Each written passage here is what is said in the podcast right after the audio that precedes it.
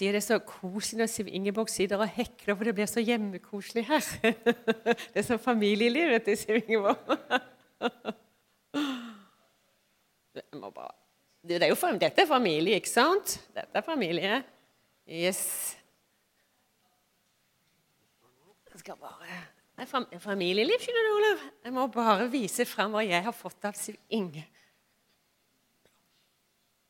Kan de se hva hun kommer med tre sånn sett med grytekluter og vet at den røde skulle jeg. Det er ikke fantastisk? Jeg syns bare de er så vakre. Jeg måtte vise dem fram, jeg. Du kan få, kanskje få audiens hvis du støvsuger litt mer. Du må ikke gi så mye gratis ved bordene, vet du, Olav. De er så utrolig vakre. Jeg synes de var så fine, da. Men jeg synes litt sånn er litt koselig. For, altså jeg, for meg er dette her blitt en veldig, veldig virkelig familie. Og du, altså En familie sammen, når, er, eh, når mine gutter og mine barnebarn og svigerbarn kommer hjem på Stubberud, så sitter ikke vi bare liksom og snakker om Gud og er sånn åndelig sammen. Vi lever et helt liv sammen. Og jeg syns det, det, er så fantastisk. Um, jeg elsket å være med Gerd på hakkekurs. Blant pensjonistene, f.eks. Altså, det er noe med dette å leve livet sammen. Gjøre ting sammen, oppleve ting sammen, som knytter oss sammen. Og jeg tror at det, altså Når Gud er jo selve livet um, uh, Og da kan vi få lov til å leve. Altså, jo mer jeg ble kjent med hvem far virkelig er, og Jesus kanskje på en Altså, når jeg var ung eh, Ikke at jeg føler meg så gammel, men jeg har havna på 67 nå, så jeg må jo være litt. Men det, i ungdommen så, så Jeg bare elska Jesus. Han var min beste venn. Eh, og jeg prata om alt mulig. Jeg delte hjertet til Jesus. og eh, jeg levde, jeg overga meg, jeg levde for han, men jeg var, å, han var min beste venn. Eh, eh, men jeg ser jo bare at det, det må ha vært en side ved Jesus som ikke jeg kjente så godt som jeg trodde. For jeg visste jo ikke at han, han Jeg hadde aldri fått tak på at han kom for å åpenbare far for meg. Derfor er jeg blir så begeistra, sånn som du litt sa, Gunnar. Altså, nå har jeg liksom lært oss å, å, å, kjenne også Jesus fra en annen side. At han kom faktisk til alt for å ta meg hjem til sin far. Han kom for å gjøre far kjent for meg. Det synes jeg er så fantastisk. Jeg er blitt enda mer glad i Jesus også. Og så er det Den hellige ånd så det er så fantastisk. Og når du ser hvilket liv de har eh, eh, altså dette med Jeg er blitt så glad i livet. Å leve. Og så har jeg kommet fram til sjøl at jeg er nok en eventyrer. jeg er utrolig glad i livet. Eh, og når vi da kan ha Jesus, far og sønn på innsida, som er selve livet, eh, da kan vi bli sånn livsnytere på ordentlig. Jeg tror Gud har behag i det, at vi, vi kan få være livsnytere på en god, positiv måte. Eh, for det er noe med denne gleden eh, En gang så spurte jeg for noe Vi har vel kanskje vokst opp i litt religiøst alle. Selv om jeg, jeg eh, vokste ikke opp i så veldig religiøst hjem. for Mamma og pappa var jo kristne. Men, men jeg oppvokste i et veldig godt hjem. Men jeg spurte en gang Gud, også, altså du, du står at Gud ler, han er glad, og jeg tenker på Sefanias 3,17. Så spurte jeg en gang Gud, hvordan ser du ut? Hvordan er det du ler? Det gikk jeg og tenkte litt på. Eh, for jeg kan huske, jeg kan huske Vi hadde et gavemøte her nede på Gjøvik. og Så var det ei dame etterpå. Vi sang og ja, i, i stor grad av vitnet og sånn. Og så var det ei dame som kom bort til Olav og refset Olav og sa du skjønner det at gleden den skal bare være inni. Så gjorde det. Ja. Nei, så måtte jeg ikke vise det. For det var en indre glede når vi var frelst. Men så tenkte jeg, Gud, hvordan ser du ut, da? Du som ikke er religiøs. For Gud er jo virkelig ikke religiøs, men han er selve livet. Og da viste han meg plutselig en dag et bilde når han lo. Eh, så står det jo at det er hans stemme som røsten av mange vann. Han, han, bøyde seg bakover. Det var nesten som han kom ned i gulvet på andre siden. Jeg er ikke så myk. Og så lo han, altså. Han lo skikkelig. Og det var nesten som å høre sånne brus av vann. Altså, det var så voldsomt. Og det var veldig, veldig lite religiøst. Og det, Jeg kjenner jeg er så begeistra over at ikke Gud er religiøs. Ja, Og da trenger jo ikke egentlig vi å være det heller, vet dere. Nei. Selv om vi jobber jo litt med det, tror jeg alle.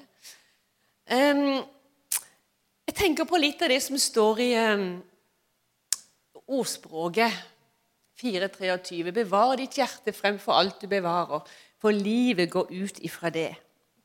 Altså, derfor tenker jeg, Du verden, hjertet vårt det er utrolig viktig, det. For det er jo der livet vårt går ut ifra.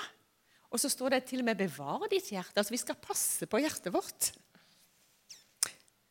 Um, og så snakker vi om mer og mer nå også i, i Faderhatt Ministry og i menighetene at vi skal få igjen begynne å få lov til å se med hjertets øyne. Altså Kunnskapens tre til godt og ondt. Det har åpnet eh, altså Da var det jo oppi her. Men nå skal vi igjen få, få, som det står, at vi må be om å få hjertets opplatte øyne, så vi kan se igjen. Um, så hjertet er utrolig viktig. Og jeg, jeg, liker veldig godt det som Gud sier i, i 1. Eh, Samuel 16, 7 der. For Herren ser ikke slik et menneske ser, for mennesket ser på det ytre. Men Herren ser til hjertet. Eh, så Gud han er først og fremst ute etter hjertet vårt. Han er ute etter ditt hjerte, han er ute etter mitt hjerte. Eh, og Det syns jeg egentlig er blitt veldig vakkert, fordi at det, eh, når, når, han sier det at det evige liv, det å kjenne Far, og han, han har utsendt Jesus Kristus og Han sier et annet sted at vår, eh, vårt fellesskap er med Far og Hans Sønn. Altså, det, det, er jo relasjon, og relasjonen den skjer fra hjerte til hjerte. Så det, det handler faktisk veldig mye om hjertet vårt. Og Da begynner vi å forstå at du verden hvor viktig det er at vi passer godt på hjertet vårt. Jeg har litt lyst til å, se på noen personer i Bibelen. Litt på deres hjerte, hva som er i deres hjerte.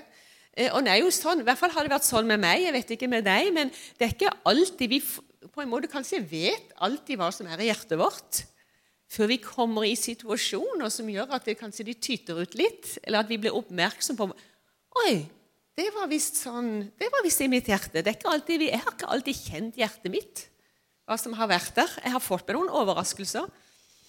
Eh, så jeg har lyst til at vi kan se på Saul, eh, for det er jo også i Samuel, første Samuels bok, 15. Eh, for du vet at at det var Samuel som innsatte og fikk i oppgave å salve Saul til konge over Israel. Og det gjorde han. Eh, og så var det sånn vet du, at når israelitterne skulle ut av Egypt, eh, så lå amalkittene på lur og var ikke helt snille med israelittene. Og det gikk det gikk ikke upåaktet hen hos Gud. Han hadde et hjerte for sitt folk. ikke sant? Så han, eh, Saul fikk beskjed om å gå og ordne opp og, ta, eh, og gjøre noe med det. Og Han fikk eh, hvordan han skulle gjøre det, hvordan dette her skulle skje. Og Saul gikk av sted, men det var bare det at eh, Saul tok hva skal vi kalle det på godt norsk, han tok skjea i sin egen hånd, og så gjorde han det sånn som han ville. eller sånn som, Han gjorde ikke det Gud hadde sagt. Eh, og Da får Samuel beskjed av Gud til å gå og fortelle Saul det. Og Da bestemte Gud seg for faktisk talt noe så dramatisk som å avsette Saul som konge for, for israelsfolket. Eh, men så er Samuel da på vei for å, finne Saul. Men han fant han ikke, for det står det Hvis vi leser i um, vers 12, så står det det da Samuel sto tidlig opp neste morgen for å møte Saul, så ble det fortalt til Samuel og sagt Saul dro til Kamel. Og så står det Og se, han har reist et minnesmerke for seg selv. Han har dratt omkring, reist videre og har kommet ned til Gilgal. Så det er litt sånn interessant. Eh, altså Der har Saul dratt opp på Kamel, og så står det at han har bygd et minnesmerke på seg sjøl. Det er som du kan høre litt av Sauls hjerte, behovet for anerkjennelse, behovet for å bli sett, sånn som Olav snakket om. Se hva jeg har klart å få til. Se på meg. Eh, så det var noe i Sauls hjerte som ikke var velbehagelig for Gud. Men så finner han da Samuel, eh, Saul i Gilgal, da. Og så står det videre i vers 13 at da gikk Samuel til Saul, og Saul eh, sier til Samuel når det, at, eh, når det at han kommer han i møte Jeg kan nesten se han sånn for meg. Noen ganger har jeg tenkt Så du Samuel inn i øynene når du sa det der? der? For han sier, 'Velsignet være du av Herren, jeg lar Herrens ord stå fast'. Mon tro om Saul i sitt hjerte visste at ikke han hadde gjort det Gud ba han om, at han hadde gjort det på sin måte. Så er det som han kommer Samuel i møte og griper ordet først. Herren, jeg har latt Herren stå så fast. Jeg har gjort det som Gud ba meg om. altså. Jeg har gjort det sånn som han sa. Det som han prøver å dekke over hjertet sitt for ikke å bli avslørt, tenker jeg. Så det må ha vært noe i Sauls hjerte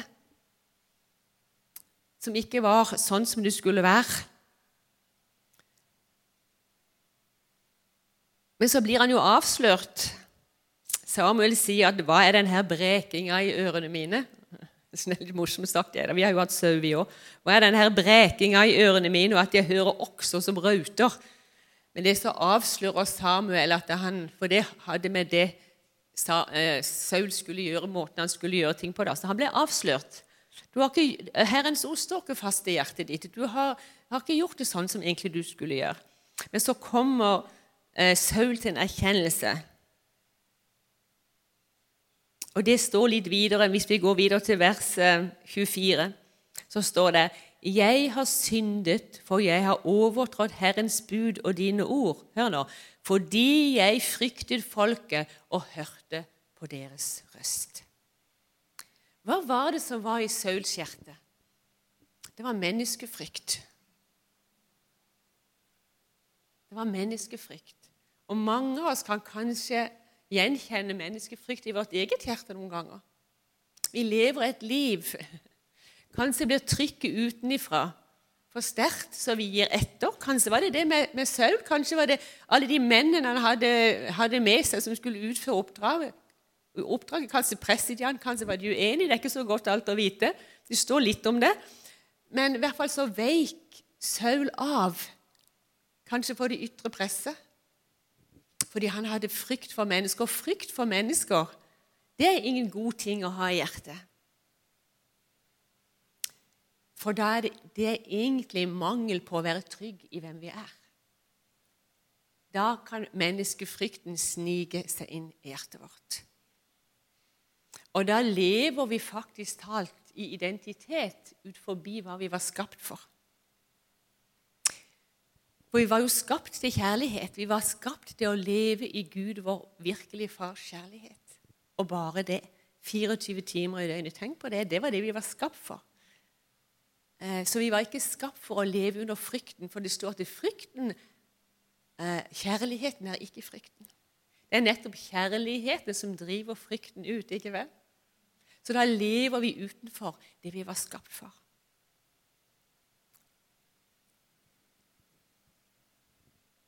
Hjertet vårt, det er så viktig.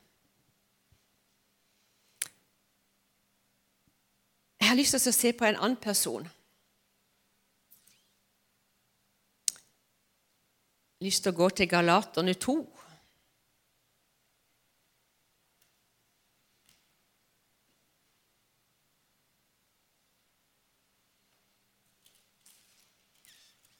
Jeg har lyst til å se litt på hjertet til Peter. Nå var Det sånn at det var jo, det var jo Paulus som var eh, hedningenes apostel, og så var det Peter som skulle gå til jødene. Um, men så var det en dag som um, Peter kom til Antiokia, og der møtte han Paulus. Så står det fra vers 11 der at uh, faktisk tatt Paulus så han rett opp i ansiktet, for det var grunn til å klandre Peter. Ja, og hva var det Paulus eh, klandra Peter for for noe? Eh, du vet at eh, det var jo helt greit eh, for Peter også å forholde seg til hedningene. Jeg husker det, dette her kledet, altså vi huske at de, Jødene de så jo på hedningene som ureine, så de, om, de omgikk ikke hedningene. Men jeg husker dette kledet som Peter fikk ned med disse dyrene, at alt er rent for den rene. ikke sant? Og det hadde Peter fått med. Så han eh, spiste han sammen med jødene, det, nei, med, med, med hedningene. Det står her. Um, men så var det bare det. Han spiste med hedningene. Eh, men så er det en gruppe som holder seg rundt Jakob. Det var en gruppe eh, som holdt seg rundt Jakob, og de var jøder. Eh, og så når de kom der som Peter var, hva gjør Peter da? Han satt og spiste med, med, med hedningene. Det står at det, da de kom, står det i vers 12, da trakk han seg tilbake, og så skilte han seg fra dem, altså fra hedningene. Så står det her nå i frykt for dem som var av omskjærelsen. Altså i frykt for, Det var jo jødene som var omskjært. Altså I frykt for hva, hva jødene i denne her grupperingen som holdt seg rundt eh, Jakob eh, Peter var redd for Hva vil de tenke om meg hvis jeg spiser med hedningene? Hvordan vil de se på meg da? Så ser du, Det var faktisk talt menneskefrykt. Det står det. Han skilte seg av med dem av frykt for dem som var av omskjærelsen. Så var det altså menneskefrykt i Peters hjerte også. Og det var det Paulus hadde imot Peter. Det står faktisk talt at eh, han kaller han, altså det står det i vers 13 de andre jødene hyklet også sammen med ham, slik at til og med Barnabas ble revet med av hykleriet deres. Det står at de hyklet. Ikke sant? Når de er her, da gjør jeg sånn. Og når, når de kommer ned, da gjør vi sånn. Men er det ikke så mange ganger Jeg kjenner meg litt sjøl igjen i den veien jeg har gått, at eh, vi kan snu litt etter vinden noen ganger. Hva, når vi sitter og prater, til og med kanskje, så er det kanskje litt sånn at da, vi snur litt etter vinden med hvem vi prater med. Så mener vi kanskje det der, da, og så kommer den, og det da mener vi det. For det er noe i oss som ikke er oppreist i identitet og trygge nok til å stå for egentlig det vi står for. Og det vi ønsker å stå for, så viker vi unna pga. menneskefrykt. Så en ser jo det at vi er, altså vi, er ikke, vi er ikke ment å leve under menneskefrykt. Vi var ikke skapt for det. Men du ser også hvordan farløsheten eh, har åpnet opp for frykt i menneskers hjerte. Men jeg synes det er så viktig å holde fast på hva vi var skapt for. Vi var ikke skapt for å leve under menneskefrykt. Vi var skapt for å leve i farskjærlighet. Um, så jeg har lyst til å se på en person til. Da må vi gå til Johannes 6. Litt tilbake her.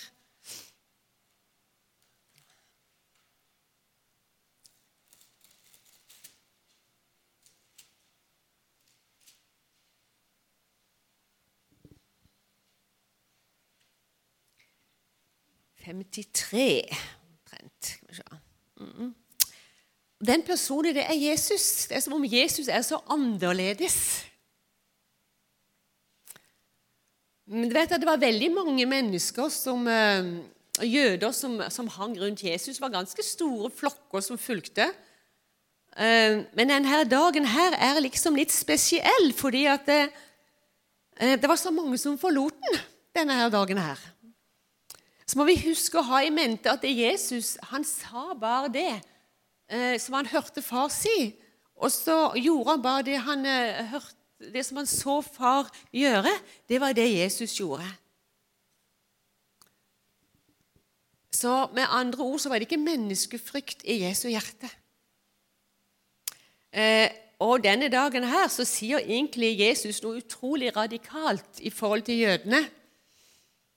Eh, han sier det i eh, kanskje vers 51. Jeg er det levende brød som kommer ned fra himmelen. Hvis noen eter av dette brødet, skal han leve evig, og brødet som jeg skal gi, er mitt legeme, som jeg vil gi for verdens liv. Og Da begynte de faktisk alt å trette jødene. Hvordan kan denne mannen gi oss sitt legeme å ete? Og så tar Jesus det liksom enda et hakk videre. Og så sier han, hvis dere ikke eter menneskesønnens legeme og drikker hans blod, så har dere ikke liv i dere. Og det var ganske eh, tøff tale for jødene. Eh, og det sier de sjøl også. Dette er hård tale, står det i, vers 60. Hvem kan høre på den? Du vet, du må huske det at Jødene de trodde at livet var i blodet. Mm. Derfor så ble dette så radikalt eh, at de skulle spise eh, Jesu legeme og drikke hans blod. Og så står det at den dagen var det mange som forlot ham. Men han sa bare det som den dagen han hørte far si han. Det var det far sa der, og derfor sa Jesus det. Um, så, der, så snur Jesus seg kanskje. Tenker, jeg tenker med det sånn, Så snur han seg til de tolv. Um, de som han hadde fedret. Han var, ikke, han var ikke far, Gud er far, men han hadde fedret de. Kanskje lagt hele hjertet sitt inn i disse her for å se de komme opp i det Gud hadde skapt dem for. Um, uh, vil også dere gå? Det er som om Jesus han er ikke redd for å, å spørre de tolv. Vi kan jo tenke på Det sånn, det var de som skulle bringe vekkelse til verden. Det var de som skulle bringe evangeliet og spre det utover. Men allikevel så spurte han ja, vil dere også gå. Så som han sier, ja, så må dere det. Jeg vil ikke holde på dere hvis ikke dere vil være her hos meg. Det er ikke så nydelig. Altså, du kan tenke deg, De tolv de var liksom Jesu, det var menigheten. Jesus var ikke redd for å miste medlemmene sine. Nei. Hvorfor var han ikke det? Det har vi noen ganger vært i menigheten. Hvis du, hvis du kjenner på at kanskje noen vil gå ut, hva, hva skjer i hjertet vårt da?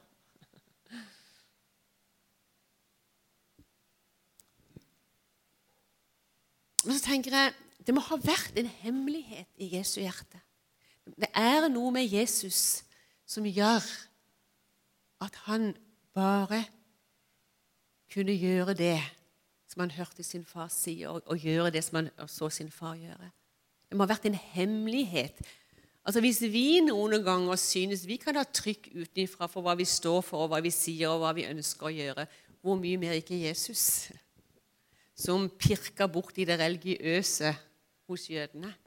De hadde jo lyst til å drepe ham. Flere ganger de prøvde de å skyve ham for utfor, utfor et stup.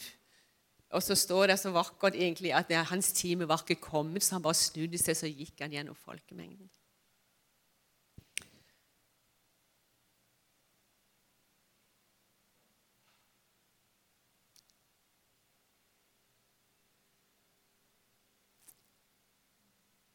Jeg tenker at um, den hemmeligheten som var i Jesu liv Kanskje det er vår på en måte hemmelighet òg? For at vi kan bare gjøre det som vi ser far gjør. Kanskje det er hemmeligheten til oss å si det vi hører han sier til oss. Uten at menneskefrykten får kanskje slenge oss litt hit og dit. For du vet, Menneskefrykt, hva er egentlig det? Jo, det er at vi er usikre på identiteten. Eh, vi er usikre på innerst inne i hjertet vårt at vi er elsket for hvem vi er. Det er som om sønnekåret, sønnehjertet, ikke har fått ordentlig feste i livet vårt. Og alle, Det er ikke noe fordømmelse for det. Alle så er vi på vei. Det er som Gunnar så fint snakket om. Eh, så har det ikke alltid vært så veldig mange mødre og fedre rundt til å få oss fram i trygghet i sønnekår. Jeg synes Det var utrolig fint måte du la det fram på, Gunnar. Eh, for det er jo det vi alle lengter etter. Å bli trygge i hva vi var skapt for, og leve i hva vi var skapt for. Vi lengter etter å bli elsket for hvem vi er. Alle gjør vi det. Alle mistet vi det. For alle fikk vi del i syndig natur. Det står i 1. Peter er det ikke en 18 at vi fikk de arv fra våre fedre, står det.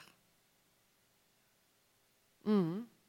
Og det, det, tragiske med fallet var jo nettopp det at Adam og Eva de levde i Edens hage, trygge i sin identitet i hvem de var. De visste at, at far, Gud var deres far, og de var sønn og datter til sin far. De var trygge i, i, i hvem de var. Gud bekreftet dem som sine sønner. Så når dette fallet skjedde, så mistet de identiteten. Og så tok de på seg en falsk identitet.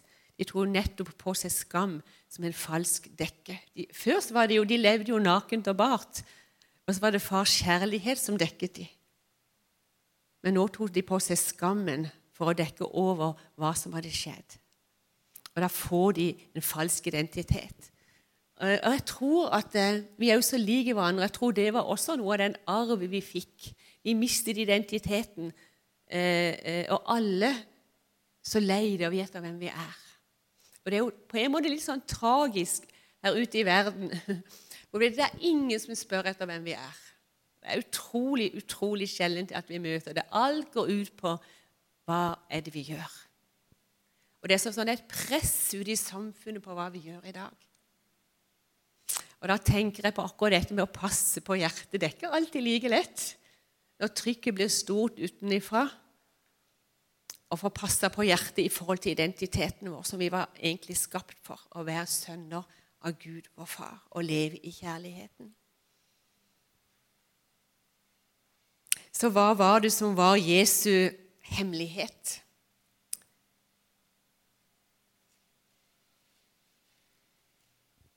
Da må vi gå til Markus 1.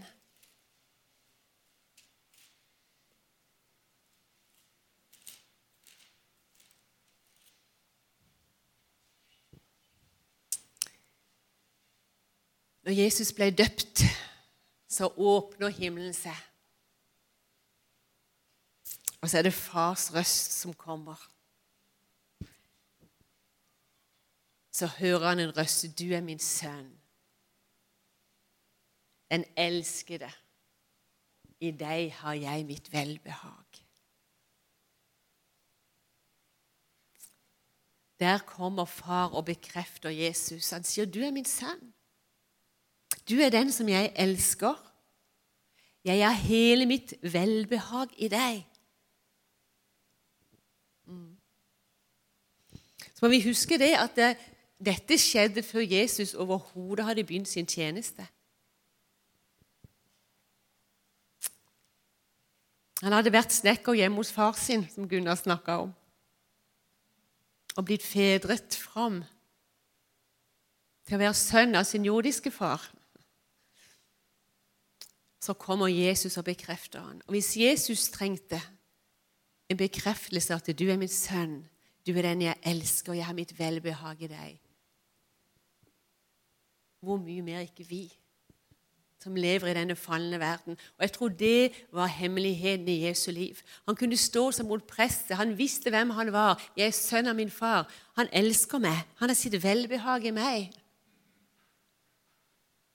Derfor så kunne han gjøre det han så sin far gjøre. Derfor kunne han si bare det han hørte sin far si. Og derfor så kunne han si den dagen 'Hvis ikke dere spiser mitt eh, legeme og drikker mitt blod, så har dere ikke liv i dere'.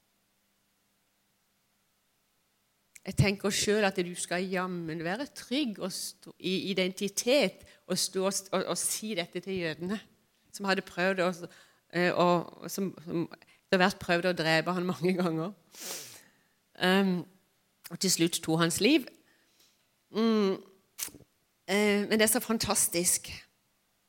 For du vet at det, Saul han søkte ære hos mennesker. Lag en statue over seg selv. Se hva jeg har utført. Ser dere meg? Her er jeg.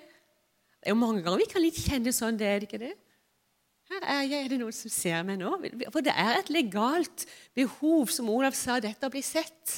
Det er et veldig, Alle har vi dette Vi er skapt for å bli sett. Vi er skapt for å bli bekreftet i vår identitet. Eh, og jeg syns det er så vakkert det som står i 2. Peter om Jesus. For vet du, Jesus var, var ofte avsides med sin far. Eh, og da tror jeg nettopp han mottok sin fars kjærlighet. Han ble bekreftet identiteten sin.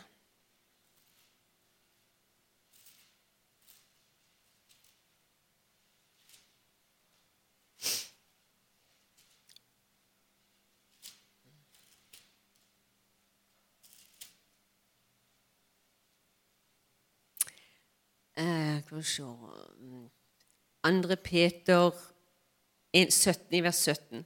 For der står det For han fikk ære og herlighet fra Gud far. Nettopp da denne røsten kom, står det, fra den opphøyde herlighet. Dette er min sønn, den elskede. Du ser at det, eh, Når Gud far bekrefter sin sønn, så mottar han ære og herlighet. Sånn at ikke han trengte å søke ære og herlighet hos mennesker. Det som er snærende, det ligger så latent i farløsheten å søke ære hos mennesker. For at vi ønsker å bli sett. Vi har behov for en bauta. Som Olav sa i går at det, eh, om Røros, på gravstøtten på Røros Jeg er så glad i Røros. Jeg elsker den eh, lille byen. Det er sikkert fordi det er så mye gammelt der. For jeg er bare så rar, men jeg er så glad i alt som er gammelt. men der står det alltid en tittel foran navnet. Så det var en dame som, som, En gang Olav og jeg vi var oppe der, så gikk vi og så på alle De fleste gravstøttene hva de forskjellige var. Og da har vi oppdaget det. For det er ikke bare én eller to, men det er så mange. Men Jesus søkte bare ære, ære og herlighet hos sin far.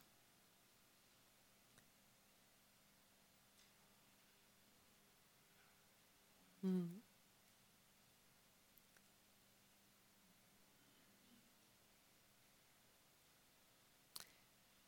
tror du nevnte, Gunnar, at det er en far som gir identitet. Og det er det. Um, uh, og jeg tenker litt på meg, på meg, på meg sjøl. Uh, nå var jeg veldig heldig at jeg hadde en jordisk far som bekrefta veldig mye identiteten min. Jeg visste min far var glad i meg. Jeg visste at jeg var hans skjønne datter. for når han, han, var så stolt av meg, og han hadde stjerner i øynene når han så på meg. Og, så Jeg var veldig trygg på, på at, eh, at, jeg var elsket, og pappa var stolt av meg. Så jeg følte meg ganske sikker på hvem jeg var. Men, eh, men allikevel så, så, var det noe i meg som trengte å bli bekreftet av Gud, min far. Og jeg tror alle så trenger vi det. Om igjen og om igjen og om igjen. Jeg har trengt det så mange ganger eh, for å få bevart eh, identiteten min. Jeg trenger det hver eneste dag at, å få høre at, det, at Gud sier 'jeg er glad i deg', Unni. Jeg setter så pris på deg. Du er jenta mi, du er god jenta mi. Du er den som jeg elsker. Akkurat sånn som Jesus fikk høre av sin far. Og Da forstår jeg at du verden fordi det er en far som gir identitet, så er det så viktig å få beveget seg hvis vi bare har en relasjon til Jesus. Eh, og også begynne å lære å kjenne Jesus som den som kom for å ta oss hjem til far. Det er litt radikalt å si, men jeg våger å si det likevel. Jeg tror ikke at du og jeg er i stand til å finne vår virkelige identitet hvis ikke vi kommer hjem til Gud, vår far. Og Jesus kan faktisk alt aldri eh, gi deg en sønneidentitet. Skal vi være sønn, så må vi være sønn av noen. Og det er Gud som er far. Skal vi få eh, vokse og gro i det å være sønn, så må vi begynne å forholde oss til far. For det er far som kommer og bekrefter din og min identitet som sønn. Jesus kom for å ta oss hjem til far. Ingen kommer til far uten med meg. Jesus var veien hjem til far. En sønn trenger en far. Eh, og Hvis vi kjenner oss usikre på dette med farsrelasjonen for, for vår jordiske far Og vi kan jo si så mye om det, eh, men alle har vi en far, om vi kjenner han eller ikke. Og i dag, Det kan jo være fra prøverørsbarn, det kan være så mange ting. Men alle har vi allikevel en far. Om ikke vi kjenner han, om ikke vi har kontakt med det. Så var det bare det at det var far her på jorda som, som vi som små gutter og jenter som skulle gi oss identitet. Og bekrefte vår identitet, så vi kunne bli trygge på hvem vi var. Som sønn og som datter av vår jordiske mor og far. De skulle modellere faktisk alt også for oss Guds farskap, så vi kunne bli trygge og begynne å forholde oss til Gud som far. Så vet vi at det, det er så mange av oss som har fått forskjellige budskap til hjertet vårt, som har gjort at, eh, som Gunnar eh, sa, at, eh, at vi tror Gud er streng, er sint, at ikke han bare er god. Sånn en tohodet Gud Som du vet ikke helt hvor du har han hen. Er han, er han grei i dag? Er han for meg i dag? Elsker han meg i dag? Så har vi dette i farløsheten fordi vi mister vår virkelige identitet. Så kom skammen og la seg på hjertet. Prøver å skjule egentlig kanskje hva som virkelig er inni her. For det er ikke helt trygt å gi det til kjenne fordi ble jeg elsket da? Vil venninna mi, vil, vil kameraten min eh, bry seg om meg? Vil han henge ut med meg? Vil han være sammen med meg hvis han virkelig lærer å kjenne meg? Så dekker vi litt over mange ganger. Det er ikke alltid så lett å være ung heller og skal finne sin identitet. Og jeg tenker på liksom eh, Farløsheten har kanskje aldri vært større enn den er i dag. Eh, det er ikke så lett for disse små barna å finne sin identitet når farløsheten er så stor. Fordi det er en far som bekrefter identiteten. Så vi trenger alle komme hjem til en far som elsker oss. Um, jeg tenker på uh, Så er det jo det. Jesus kom for å, å, gjøre han kjent for oss. Og Det står i Johannes 17 vil, Han sier til sin far uh, jeg har gjort deg kjent for jeg har gjort deg kjent for dem som du ga meg. Og så står det i et av de siste versene. Jeg vil, jeg vil uh, fortsette å gjøre deg kjent for dem. Og det er jo i dag. Han har ikke sluttet med å gjøre sin far kjent. Åpenbare, det betyr jo å gjøre kjent hvem Gud virkelig er. Uh, uh, og vi trenger jo kanskje virkelig på ny å bli trygge. Hvem er du egentlig, Gud, som vår far? Sånn at vi tør å komme hjem, så vi tør å komme til det sted som Gunnar snakka om, eh, denne tilfredsheten i treenigheten. I denne kjærligheten mellom Far og Sønn og Hellig Ånd, som på en måte er vårt hjem. Vår relasjon. Og Det er ikke så lett å lene seg inntil og bli trygg og føle seg hjemme hos Gud hvis det er denne litt nage og gnagende følelsen ja, Er han virkelig god? Er han god i dag òg? Den lille usikkerheten. Og så strever vi, så, så blir vi kristne og kommer inn i menigheten. Så begynner vi kanskje å prøve å, å, å lese mer i Bibelen eller tjene i menigheten for å, å bevise kanskje både vår åndelighet, men ikke minst så begynner vi også å prøve eh, å vinne Guds hjerte og vinne Guds kjærlighet, for vi tror at det er noe å betale. Selv om det er ikke alltid det vi forstår vi gjør. Hvis vi betaler for kjærligheten prøver det. Prøver å blidgjøre Gud, for vi er ikke helt sikre og trygge på om han egentlig er glad i oss når jeg har gjort det og det og det. Det er det skammen sier. Det er noe galt med meg, jeg er ikke bra nok.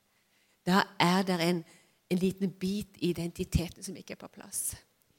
Eh, noen ganger så, så, er det mange som sier til meg det, ja, men eh, kan en vite egentlig at Gud er så glad i oss da han kaster oss ut av hagen? Det var jo liksom hjemmet til de første menneskene.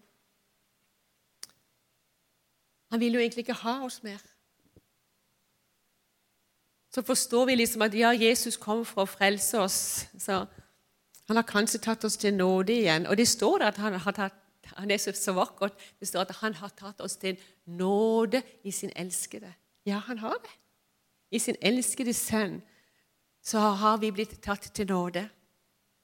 Men vet du at det har vært, det har vært fars hjerte hele tida for deg og for meg og for oss hjem igjen. Jeg, faktisk, kom, jeg kom bare mens jeg sto her. Så lyst til å rett og slett bare lese første Mosebok 3, 22. Så sa Herren Gud, se, mennesket er blitt som en av oss, til å kjenne godt og ondt, bare han og ikke rekker ut hånden og eter av livets tre, så han lever evig. Derfor sendte Herren Gud ham ut av hagen. Det var derfor Gud sendte oss ut av hagen så ikke vi skulle rekke ut hånda og spise av livets tre. Så han sendte de ut, så måtte vi dyrke jorden som han selv var tatt av. Så drev han mennesket ut, og han satte kiruber, altså store engler, øst for Enes hage, og et flammende sverd som svingte i alle retninger for å vokte veien til livets tre. En merkelig historie. Det var jo hjemmet. Gud sendte det ut av hjemmet sitt. Jeg har fem sønner. Jeg tror mitt hjerte hadde brista hvis jeg skulle sende de ut når de var små av hjemmet. Altså, det hadde jo bare ikke takla. Det hadde, hadde bare ikke gått. Og jeg som ikke er fullkommen i kjærlighet, men Gud som er selve kjærligheten, og så kunne han gjøre det, var det nødvendig? Det har jeg hatt et spørsmål om i mange år. Eh, men så er det bare det at du må huske at det, mennesket hadde spist av kunnskapens tre til godt og ondt. Og hadde allerede fått en fallen og en syndig natur. Så hvis mennesket nå igjen kom og spiste av livets tre i hagen, da ville de leve evig i en syndig natur, og da var menneskehetens håp ute. Mm. Og da tenker jeg Å, for en kjærlighet! For en kjærlig far som tar den smerten og sender barna ut av hjemmet sitt, ut av hagen. For der ligger fars håp for å få barna sine hjem igjen. Så glad var far i sin familie og i sine barn det han hadde tenkt. Så tenker jeg Noen ganger så kan kjærligheten være smertefull. Det var ikke det at han ikke ville ha oss, at han sendte mennesket ut, men bare fordi han så inderlig, så inderlig lengtet etter å få hjem igjen. Det er litt sånn godt å tenke på. Gud er bare god. Han har alltid villet ha deg. Han har alltid villet ha meg. Til slutt et lite vitnesbyrd. Um, så skal vi ha litt tjenestegjøring i dette med identitet. Um, fordi at jeg satt i Toronto. Uh, og Der var jeg på en farskjerteskole i fire uker. Noen av dere som har hørt dette før, men jeg sier det likevel. Jeg kjenner jeg skal det. Um, så hadde vi en som het Purek. Han satt og talte uh, og underviste. Så sier han bare sånn en setning Uh, Det var en dag som jeg var sammen med Far og Sønn og Hellig Ånd. Um, og så slo det meg Det var liksom ikke det egentlig han snakket om, men det, det er aldri jeg. tenkte jeg. Guri land, det har jeg ikke tenkt på. tenkte Jeg Jeg, jeg deler de alltid opp. Jeg liksom sammen med far, og sønn med Jesus, og så er jeg med Den hellige ånd. Så sier jeg bare som et sånn lite barnlig hjerte. Og det har jeg lyst til å oppleve òg, å være sammen med alle tre på en gang. Så sitter jeg nå der på stolen, da. Og så, så det er så plutselig så blir jeg løfta opp i min ånd. Jeg satt fremdeles på stolen, jeg var liksom til stede, men jeg ble løfta opp i min ånd. Så var det så, var så forunderlig. Det var akkurat som du vet Har du sett at det, Eh, når folk hopper ut i fallskjerm, så hopper de av og til ut i sånn formasjon. De hopper flere på en gang, og så danner de sånn fin formasjon. Akkurat sånn opplevdes det. For da var det far som hang så tydelig oppe i lufta der, og så hang jeg, og så hang Jesus. Så hang vi der oppe. Og så var det en hellig ånd over oss, og så åndet den og blåste den på oss. Og det var sånn en utrolig følelse av, av, av, av tilhørighet og familie.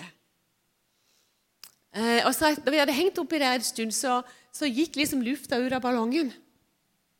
Og Så, så landa vi ned på bakken. Og så Etter en stund så gikk far og så plasserte han seg litt borti gresset. Eh, og Så satte han seg ned. Eh, og så Etter en stund så gikk Jesus bort og så satte han seg på det venstre fanget til far. Så la far armen rundt Jesus som sin sønn.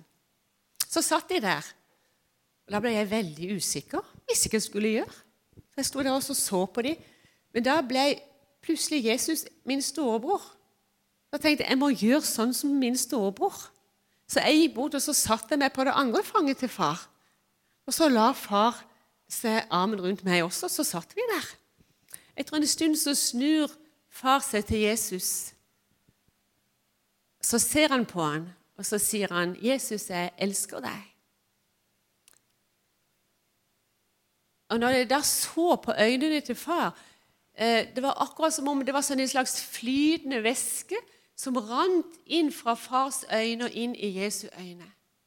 Og Da tenker jeg på noe av det vi har hørt om at det, uh, Guds kjærlighet det er en substans. Vet du, det er det. Det så jeg den dagen. Det var som en slags flytende masse som rant inn.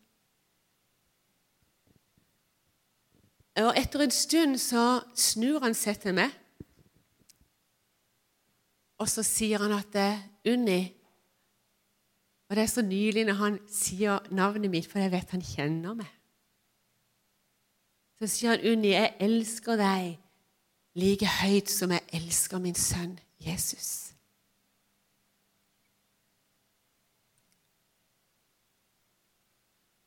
Men det, det sterkeste, tror jeg, for meg var at eh, når far så på meg, så forandra ikke øynene hans sine seg. Han så på meg med den, de samme kjærlighetsfulle øynene som han hadde sett på sin sønn Jesus. Og det gjorde noe med meg når denne flytende væsken kom inn i mitt hjerte.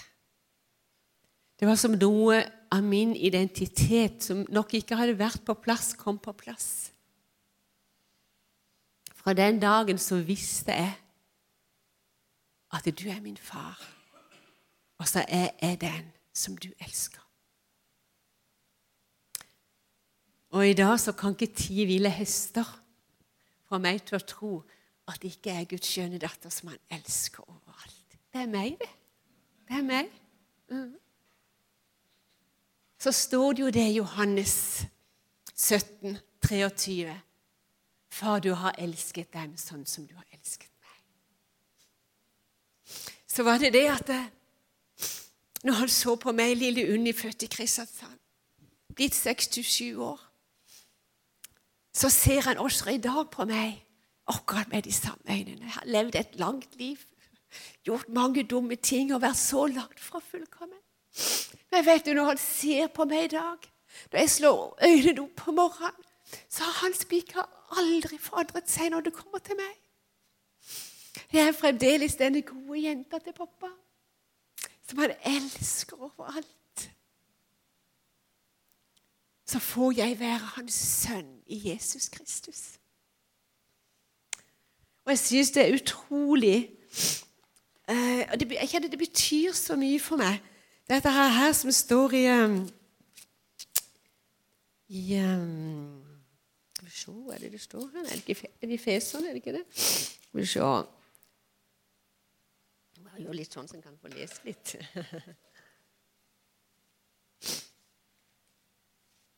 Det sier så utrolig mye om hvem Gud, vår far, er. Og vi trenger, og vi trenger å bli trygge på at han vil ha oss akkurat sånn som vi er. Vi trenger ikke å streve og prøve å betale for at vi skal være bra nok. Vi trenger egentlig ingenting. Vi kan bare få komme hjem, og så vil han ha oss som vi er. Og Det har han alltid villet. Så sier han i Feserne 1, 3 Dette det sier så utrolig mye om Guds hjerte om Guds farshjerte. Og så snakker han om deg, og han snakker om meg.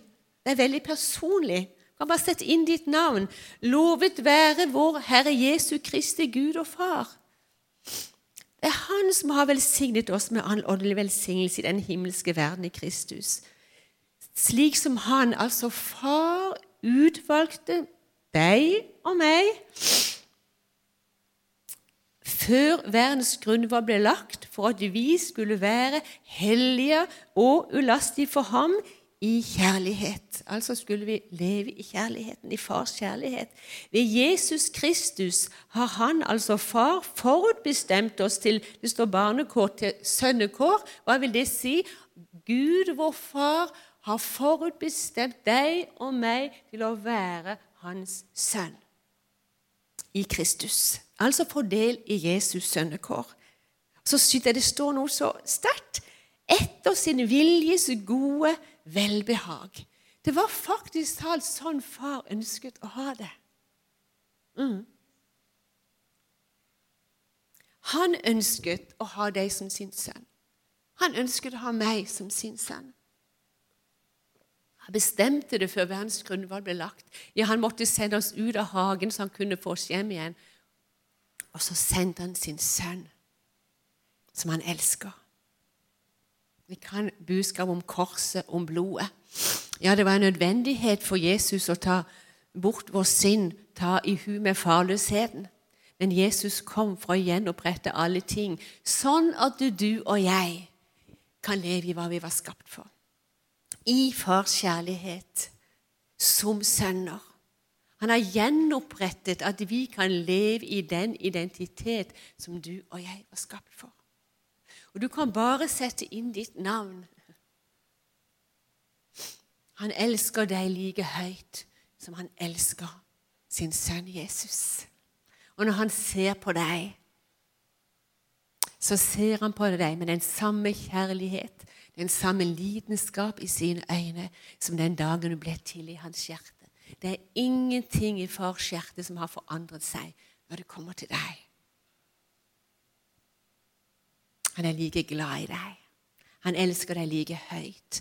Han ser på deg med de samme kjærlige øynene.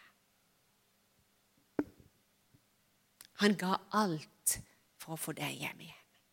Du kan være så trygg på Gud, din fars kjærlighet, og at du er elsket, og det er deg han vil ha.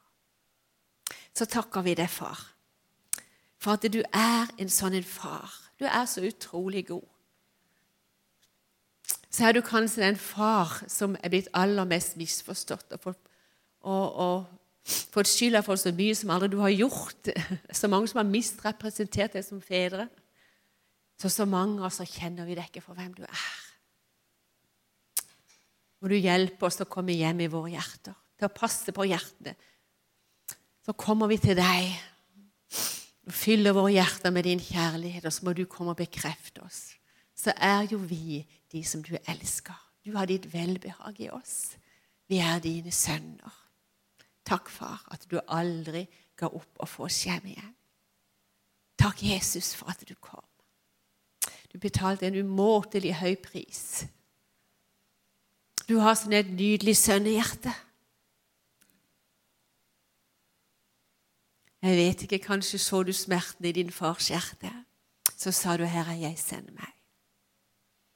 Så tok du i alle fall et oppgjør med farløsheten, så vi kunne komme hjem. Takk for at du var villig til å være veien hjem til far.